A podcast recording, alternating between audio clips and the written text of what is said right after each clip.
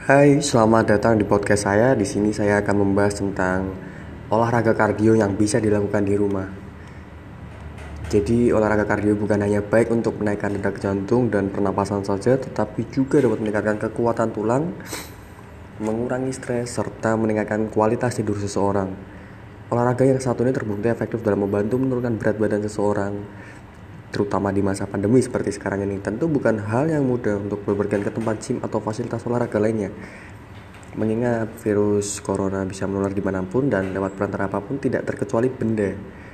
Hal tersebut yang membuat banyak orang lebih milih beraktivitas di dalam rumah sebagai langkah aman guna mencegah penyebaran virus.